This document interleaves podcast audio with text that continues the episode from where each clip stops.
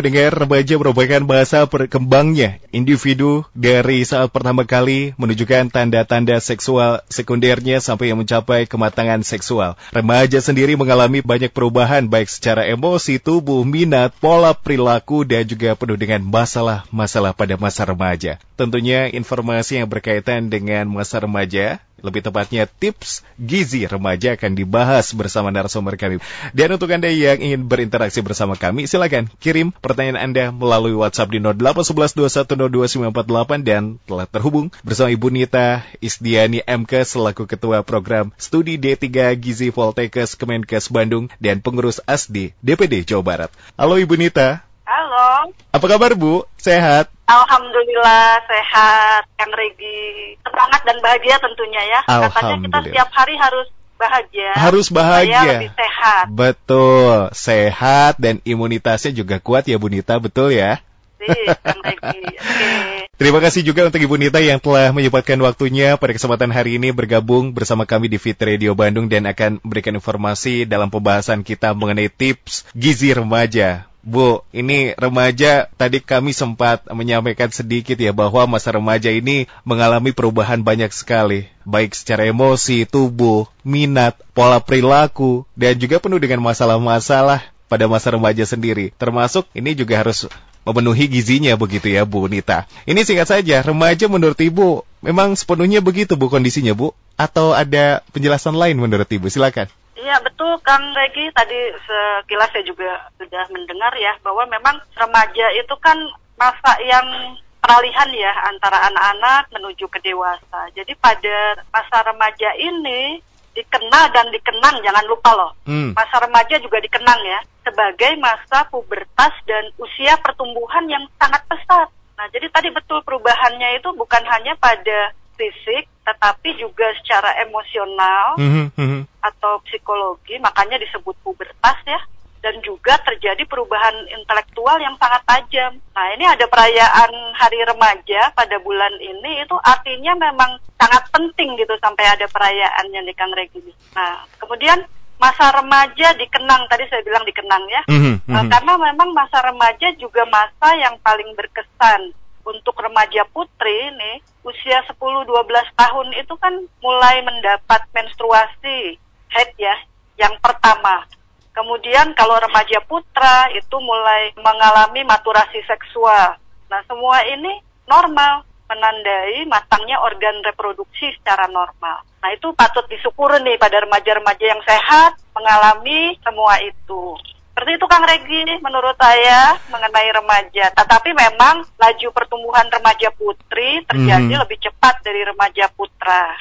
Baik, Ibu Nita terima kasih pandangan ataupun mengawali perbincangan kita pada kesempatan hari ini ini mengenai remaja. Namun tentunya itu tadi pertumbuhannya berbeda begitu ya Bu ya, lebih pesat ataupun lebih dahulu remaja putri ya, betul ya? Iya betul. Coba perhatikan ya kalau remaja putri itu SMP dia sudah setelah mengalami menstruasi ya, mm-hmm. sekali tiba-tiba badannya juga mulai tumbuh mm-hmm. ya yang normal ya, kemudian yeah. tinggi badannya mencapai tinggi badan yang baik. Mm-hmm. Tetapi pada remaja putra kita terkaget-kaget ya, terkejut ketika pada masa SMA itu mencapai puncaknya. Jadi memang untuk laju pertumbuhan remaja putri terjadi lebih cepat daripada remaja putra. Baik, harus dibarengi juga dengan kondisi pertumbuhan itu di masa remaja dengan gizi iya, yang harus tercukupi ya, Bu. Betul Kang, mm-hmm. karena tadi masa pertumbuhan yang pesat ini kan kebutuhan gizinya pasti meningkat ya. Iya, yeah, iya, yeah, iya. Yeah. Nah, istilahnya remaja itu kan butuh tubuh remaja butuh bahan bakar. Betul, nah, betul. Untuk bisa berfungsi dengan baik mm-hmm. dengan mhm. sempurna. Nah, pertumbuhan yang pesat ini ini dicapai pada masa remaja. Misalnya tinggi badan ya, tinggi badan kita itu 15-20 persennya itu dicapai pada masa remaja. Kemudian berat badan juga sama, 20 sampai 25 persen itu dicapai pada masa remaja. Apalagi penambahan masa tulang. Nah ini sangat penting ini 45 persennya itu sepa, hampir separuhnya dicapai pada masa remaja. Jadi kalau pada masa pertumbuhan yang pesat ini terlewati tidak baik atau kurang baik, Nah, pertumbuhannya menjadi tidak optimal. Itu, Kang. Baik, Ibu Nita. Nah, ini apa yang harus diperhatikan oleh masyarakat? Karena tentunya seperti dalam kandungan saja, peran gizi ini sangat harus diperhatikan benar-benar. Lalu kenapa gizi remaja ini juga penting untuk diperhatikan dan dipenuhi, Bu? Selain untuk pertumbuhan ya, Bu. Apakah masyarakat juga sudah paham akan hal ini, Bu? Jadi seperti tadi ya sudah dijelaskan, masa remaja itu masa pertumbuhan pesat sehingga dapat menentukan kesehatannya ketika dewasa. Bahkan masa remaja ini sebagai penentu kualitas keturunan nih jika nanti berkeluarga. Nah, ini kalau eh, para remaja banyak yang mendengar sesi ini ya, ini pasti akan tertarik sekali karena perencanaan untuk keluarga yang baik, Iya, sehat, mhm. bahagia itu Mhm. bisa dimulai dari masa remaja. Hmm, Nah, baik. contohnya ya Kang Regi ya. Apa, Bu? Iya, ini misalnya remaja putri yang tidak sehat, ya, anemia atau KEK gitu ya. Nah, suatu saat kan remaja putri ini akan menjadi calon ibu yang suatu saat akan hamil, lalu melahirkan seorang bayi. Nah, kalau remajanya tidak sehat, ibunya tidak sehat, akan mengalami komplikasi saat melahirkan. Bisa jadi meningkatkan risiko kematian ibu saat melahirkan, atau bayinya lahir prematur, atau berat bayi lahir rendah, atau bisa jadi bayinya nanti mengalami risiko stunting. Stunting, nah itu. Iya, Mhm, ini mhm. lagi tren stunting Betul, ya. betul. Dan pada akhirnya ujung-ujungnya kalau sudah mengalami stunting dan tidak diintervensi, risikonya terjadi penyakit tidak menular pada saat usia dewasa atau Mhm, lansia. mhm. Jadi sangat penting ya Kang Regi, ini uh, hal topik yang sangat menarik. Saya Betul, betul. pikirnya diangkat pada sesi ini. Ya, tidak hanya tentunya tadi disampaikan bahwa Ibu Nita menyampaikan mudah-mudahan ini remaja putra dan putri kita sedang menyimak. Tapi ini juga penting untuk didapatkan informasi oleh orang tua ya Bu ya. Minimal juga tetap Ya, ini ilmu-ilmu seperti bunda, ini. Ayah bundanya, betul. Iya, Bu Nita. Nah ini kita langsung saja. Kebutuhan gizi untuk remaja yang perlu dipenuhi ini secara lengkap dan detail penjelasannya bagaimana Bu?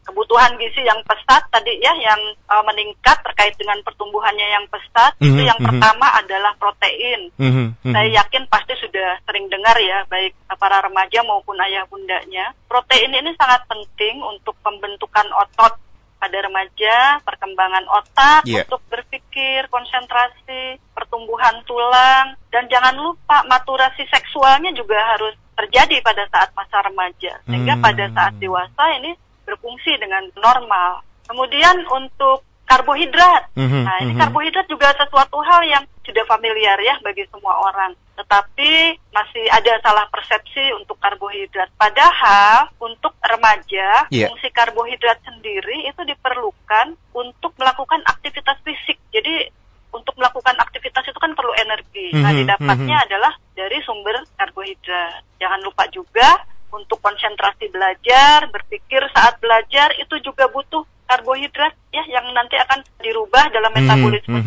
tubuh mhm. menjadi glukosa masuk ke dalam otak itu untuk meningkatkan konsentrasi. Baik itu yang tentunya harus Iya. diperhatikan dalam Nah. memenuhi kebutuhan gizi untuk remaja Betul Bu. Kang Regi, tapi ada juga loh Kang Regi tambahannya nih lemak. Apa Bu? Boleh silakan. Nah, lemak ini suka salah persepsi ya. Kenapa Bu? Jadi iya eh, takut nih mendengar lemak nih konsumsinya.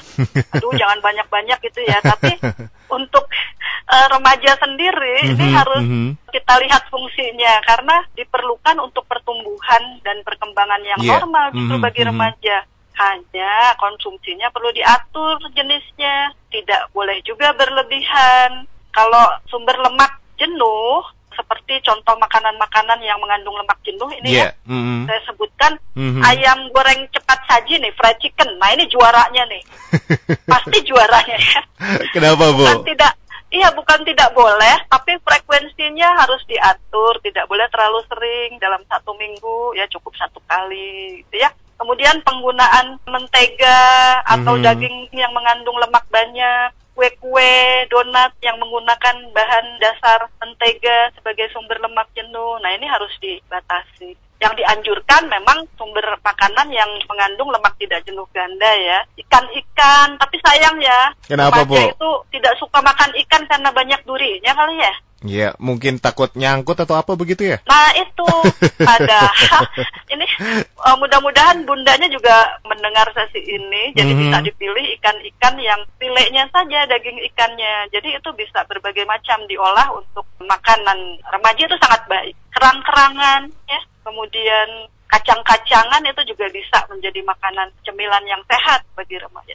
Ya itu, Itu yang untuk lemak ya. lemak apa Jadi, lagi bu? Banyak nih vitamin. Vitamin. Iya, vitamin ada vitamin A ya untuk membantu ya penglihatan yang normal, pertumbuhan, reproduksi dan ketahanan fisik. Nah, ini masa era pandemi Covid ini juga masih diperlukan Mhm, ya untuk mhm. menambah daya tahan tubuh. Vitamin C Kang Regi, Mhm. jangan lupa nih vitamin C ya.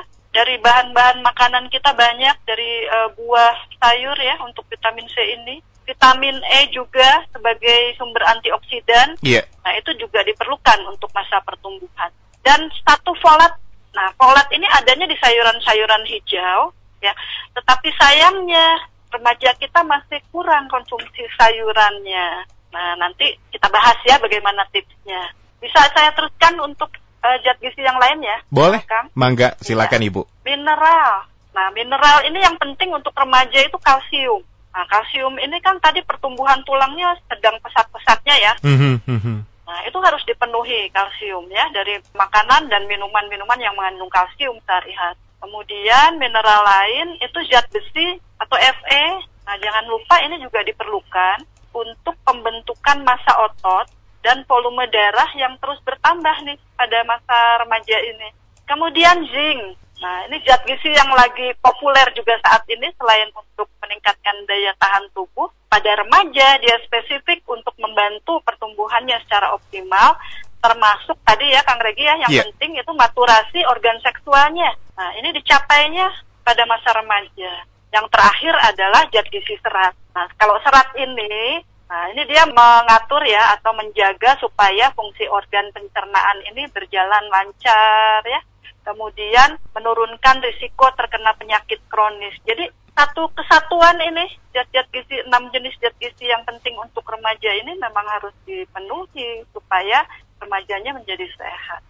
Begitu kan? Baik Ibu, terima kasih. Ini pemaparannya begitu luar biasa lengkap sekali setelah disampaikan oleh Ibu Nita kepada Anda. Jadi itu yang harus dipenuhi, diperhatikan, dan tentunya kadang kan hal seperti ini tidak mulus ya Bu ya. Maksudnya dalam artian Betul. ada beberapa kendala, itu terlebih mungkin ada yang tidak tercukupi dan lain sebagainya. Bu, sebetulnya apa permasalahan yang bisa ditimbulkan jika ya kebutuhan gizi untuk putra-putri kita yang remaja ini tidak ataupun kurang terpenuhi Bu? Ya, tentunya akan menimbulkan masalah gizi dan gangguan kesehatan ya Kang Regi. Mhm, Yang mhm. pertama itu anemia defisiensi besi. Nah, Anemia. banyak remaja kita mengalami anemia. Ya, lebih dari separuh ya, lebih dari 50 persen. Mhm, mhm. Nah, ini aduh sangat penting nih ya, Mhm. karena terkait dengan kualitas pembelajarannya nih, hasil belajarnya Mhm, ya, mhm. terkait dengan prestasi akademik yang dicapai. Karena sulit konsentrasi biasanya pada remaja-remaja yang anemia ya. Iya.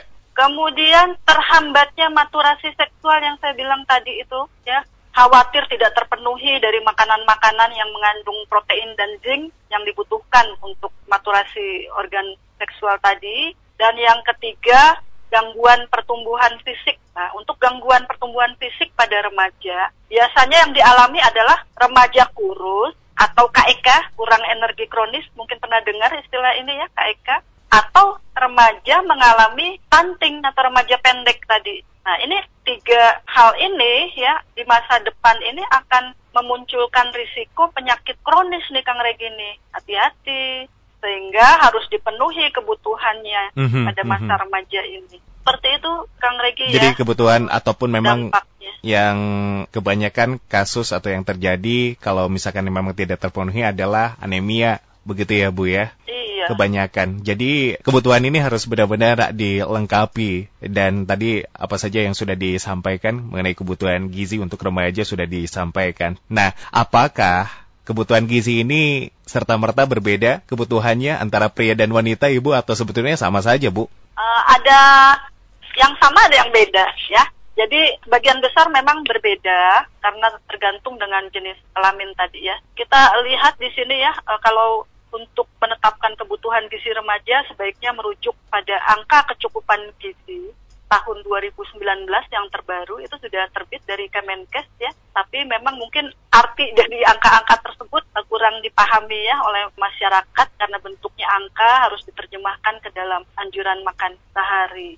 Nah ini kita lihat nih Kang Regi ya, kalau untuk kebutuhan zat besi pada remaja, remaja putra itu lebih rendah daripada remaja putri. Karena kan setiap bulan itu kalau remaja putri menstruasi, jadi ada yang dikeluarkan hemoglobinnya. Nah itu harus diganti dengan asupan Fe sebagai bahan dasar hemoglobin yang cukup sehingga tidak mengalami anemia. Kemudian untuk kebutuhan zinc, nah ini pada remaja putra lebih tinggi daripada remaja putri. Karena tadi ya untuk perkembangan maturasi seksualnya.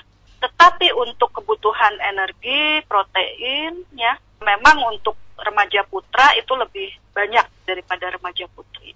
Seperti itu secara umum Kang Regi. Baik. Kebutuhan gizi remaja memang berbeda untuk mm -hmm. uh, remaja putra dan Putri, begitu ya. Nah, ini terakhir Bu Nita berkenan untuk menyampaikan tips ini agar remaja ini bisa memenuhi kebutuhan gizinya begitu ya. Ini tidak serta-merta juga tanggung jawab dari orang tua tapi secara individu. Nah, ini untuk yang remaja, putra dan putri yang sedang mendengarkan ini harus bagaimana tipsnya? Seperti yang kita ketahui, kecenderungan gaya hidup ini mempengaruhi remaja, putra dan putri kita saat ini yaitu tadi makanan-makanan yang cepat saji lebih menjadi primadona ya Bu ya. Ini supaya iya, tetap betul, memperhatikan itu bagaimana tipsnya Bu?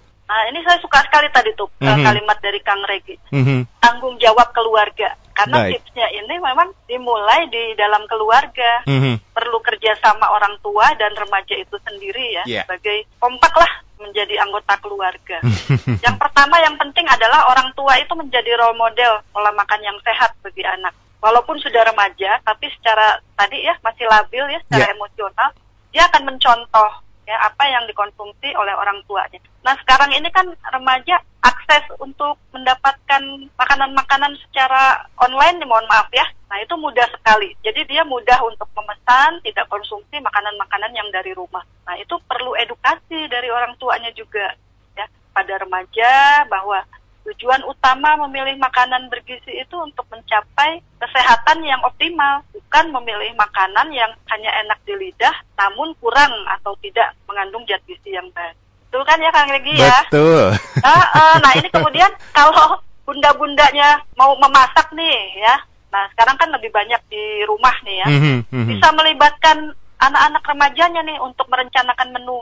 Kita masak apa ya enaknya hari ini ya? Nah, kita libatkan ya untuk uh, persiapan pengolahan makanannya. Nah itu secara tidak langsung itu juga melakukan edukasi langsung berpraktik. Kemudian yang penting nih kan pola makan tiga kali sehari itu harus dipenuhi. Mm-hmm, Nah, biasakan sarapan. Masih banyak remaja kita yang melewatkan waktu sarapan. Jangan lupa antar makanan utama itu juga menyediakan makanan camilan yang sehat. Yeah. Tidak goreng-gorengan melulu ya. Jadi hmm. bervariasi lah bisa camilan itu bisa berupa buah-buahan juga loh ya. Bisa yogurt, bisa kacang-kacangan, telur rebus sekalipun itu makanan selingan yang baik untuk remaja. Karena telur itu mengandung protein yang paling sempurna ya. Harganya murah juga ya. Lemaknya baik untuk remaja. Kemudian nah ini setiap hari ini remaja ini sebaiknya mengonsumsi makanan bervariasi beraneka ragam. Iya Ya, jadi kekurangan zat gizi yang ada di satu bahan makanan itu bisa tertutupi. Jadi saling melengkapi nih hmm. kalau aneka ragam makanannya terpenuhi. Kemudian Kang yang berikutnya mulai membatasi makanan yang terlalu manis nih, ya Kang? Iya sukanya boba, gimana tuh? Ya, ya, nah itu. Jadi bukan tidak boleh, tapi dikurangi, dibatasi. Dikurangi, dibatasi ya? ya? Iya betul gitu. Makanan-makanan yang berlemak juga. Nah, makanya perlu pengawasan dari keluarga ya, dari orang tua. Baik. Kemudian menggunakan makanan-makanan yang segar itu lebih banyak ya daripada makanan-makanan yang cepat saji. Mm -hmm. Nah, ini konsumsi buah sayur tadi ya, diperbanyak, sudah disinggung di awal tadi. Kemudian jangan lupa ini forgotten nutrien, zat gizi yang sering terlupakan, minum air putih yang cukup untuk kesehatan ya, menyempurnakan kesehatan. Kemudian Kang Regi kalau di Apa, sekolah mm-hmm. ya di SMP, di SMA, yeah, yeah. nah pemerintah itu sudah ada program rutin pemberian tablet tambah darah untuk remaja putri nih ya, untuk mencegah anemia. Nah, ini harus diterima, diminum dengan baik ini tablet tambah darahnya supaya memang terhindar dari anemia tadi. Nah, ini kepatuhan untuk minum tablet tambah darah yang diberikan di sekolah ini juga belum baik deh, padahal manfaatnya itu luar biasa. Itu kan tips-tipsnya lumayan banyak ya. Banyak Jadi, sekali dan bermanfaat tentunya. simple karena bisa dimulai dari keluarga. Betul, itu tips yang mudah juga disimak oleh pendengar pada kesempatan hari ini. Tinggal disiplin dalam pelaksanaannya, Bu ya. Ah, itu betul. Bu, kita ke pendengar ya Bu ya. Ini sudah ada yang uh, bertanya melalui WhatsApp kami di 08112102948. Ada Ibu Silahkan, Kang. Ada Ibu Caca di Sedang Serang, Bu. Usia anak saya saat ini 17 tahun atau kelas 2 SMA katanya. Apa tidak apa-apa di usia seperti itu untuk diet katanya Bu atau apa ada makanan yang harus dihindari? Ya, terima kasih pertanyaannya ya. Jadi untuk remaja dengan diet itu harus ada indikasinya ya. Diet untuk tujuan apa nih? Apakah evaluasi dulu apakah memang kelebihan berat badan, apakah memang ada penyakit yang memang mengharuskan untuk diet khusus. Mohon maaf ini untuk para remaja sering kali ada body image ya. Jadi ah ingin seperti idolanya siapa gitu ya yang tubuhnya itu langsing, kemudian dia mengatur atau mengikuti pola dietnya yang sebetulnya memang kurang tepat untuk dirinya. Jadi sebaiknya kalau tidak ada indikasi berdi untuk berdiet karena penyakit tertentu, tidak ada kelebihan berat badan, harusnya sih pemenuhan kebutuhan zat gizinya mengandung makanan-makanan yang bergizi seimbang itu akan lebih baik ya untuk penanya siapa tadi saya lupa namanya. Ibu Caca di Sedang Serang, Bu. Iya, seperti itu. 17 tahun, aduh lagi sedang-sedangnya nih. Jangan sampai terlewati nih masa-masa yang pertumbuhan pesat. Tadi ya, untuk kecerdasan juga, ya sayang sekali kalau dilewati. Baik, itu dia Ibu Caca tanggapan dari Bu Nita. Dan berikutnya ada Latri di Gatsu. Adakah makanan yang bisa dimakan dalam jumlah banyak dan tidak mempengaruhi terhadap berat badan, Bu? Ya, sebenarnya aneka ragam bahan makanan itu baik ya. Yang tidak baik kalau dikonsumsinya secara berlebihan. Nah, bagaimana tandanya secara berlebihan? Kita kalau makan eh, kan dalam anjuran juga dianjurkan berhentilah makan sebelum kekenyangan begitu ya. Iya. Jadi artinya tidak perlulah berlebihan. Jika sudah cukup, tubuh kita merespon ya sudah cukup untuk konsumsi bahan makanan yang beraneka ragam gitu. Itu artinya sudah sudah cukup dibutuhkan tubuh untuk menjalankan fungsinya dengan normal dengan baik sehingga mencapai sehat yang optimal. Jadi tidak perlu khawatir ya untuk beraneka ragam makanan asal porsinya tidak berlebihan. Ya, itu dia tentunya Ibu Latri di Gatsu dan satu lagi ya Bu ya, ada Bu Yulianti di Cinunuk. Ini bagaimana mengenai pemenuhan gizi di masa pandemi ini untuk remaja dan bagaimana dengan penggunaan suplemen juga untuk remaja Bu? Ya, masa pandemi ini memang utamanya adalah untuk meningkatkan imunitas tubuh ya. Nah, imunitas tubuh itu yang penting zat gizinya itu yang pertama protein ya. Proteinnya itu jadi sejalan dengan kebutuhan gizi remaja. Protein itu memang harus tinggi untuk mencegah COVID-19 ini ya. Kemudian zinc tadi yang disebut-sebut di awal itu ya Kang Regi ya. Nah, ini juga ternyata mineral yang luar biasa fungsinya untuk membantu meningkatkan daya tahan tubuh juga. Nah, sepanjang pengaturan makanan-makanan untuk remaja di masa pandemi ini memenuhi zat-zat gizi tersebut, baik dipenuhi melalui bahan makanan yang alami, jika kekurangan bisa ditambah suplemen ya. Tetapi kalau sudah cukup tidak perlu penambahan suplemen tadi ya. Itu akan menjamin daya tahan tubuh yang baik dan mudah-mudahan terhindar dari penyakit COVID-19 semua pada takut ya kena ini ya. Saya juga takut kan. Jadi sama-sama harus benar waspada begitu ya, Bu ya, tidak Betul. abai ya, Bu ya, tidak Ya. cuek ya, Bu. Jadi Kang Regi sebenarnya menggunakan masker, menjaga jarak, Iya. sering cuci Mhm, tangan. mhm. Itu tidak ada artinya kalau tidak ditunjang dengan konsumsi makanan yang bergizi seimbang. Jadi memang harus eh, satu paket nih, saling melengkapi. Baik, itu dia Ibu Yulianti di Cinunduk. Terima kasih untuk kesempatan hari ini telah bergabung bersama kami berinteraksi langsung ditanggapi oleh Ibu Nita. Ibu Nita juga terima kasih ya Bu sudah menanggapi pertanyaan ataupun juga Sama-sama, tentunya terasa dari pendengar. Dan terakhir Ibu sebagai penutup Mangga. closing statement yang ingin disampaikan Bu, mangga. Closing statement ya. Begini, karena usia remaja merupakan masa pertumbuhan yang pesat, ya, untuk mencapai usia dewasa yang sehat, sebaiknya janganlah dilewati dengan wacana saja tentang pola makan bergizi seimbang, tetapi harus dilakukan aksinya untuk memenuhi kebutuhan zat gizi remaja yang memang meningkat dengan tips-tips yang tadi itu yang sederhana dengan melibatkan uh, seluruh anggota keluarga. Nah, dengan demikian akan dicapai ya remaja yang sehat tadi ya bebas anemia, bebas KEK, bebas stunting, sehingga remaja bisa produktif dan berprestasi. Seperti itu kan jadi salam sehat untuk para remaja nih. Selamat hari uh, hari remaja, hari remaja mm -hmm. ya. Mm -hmm. Seperti itu kan. Baik. Jadi mudah-mudahan bisa memenuhi zat gizi yang memang dibutuhkan untuk para remaja. Amin. Harapan Amin. bangsa nih ya. Betul. Para remaja nih. Generasi berikutnya begitu ya, Bu Nita. Betul kan.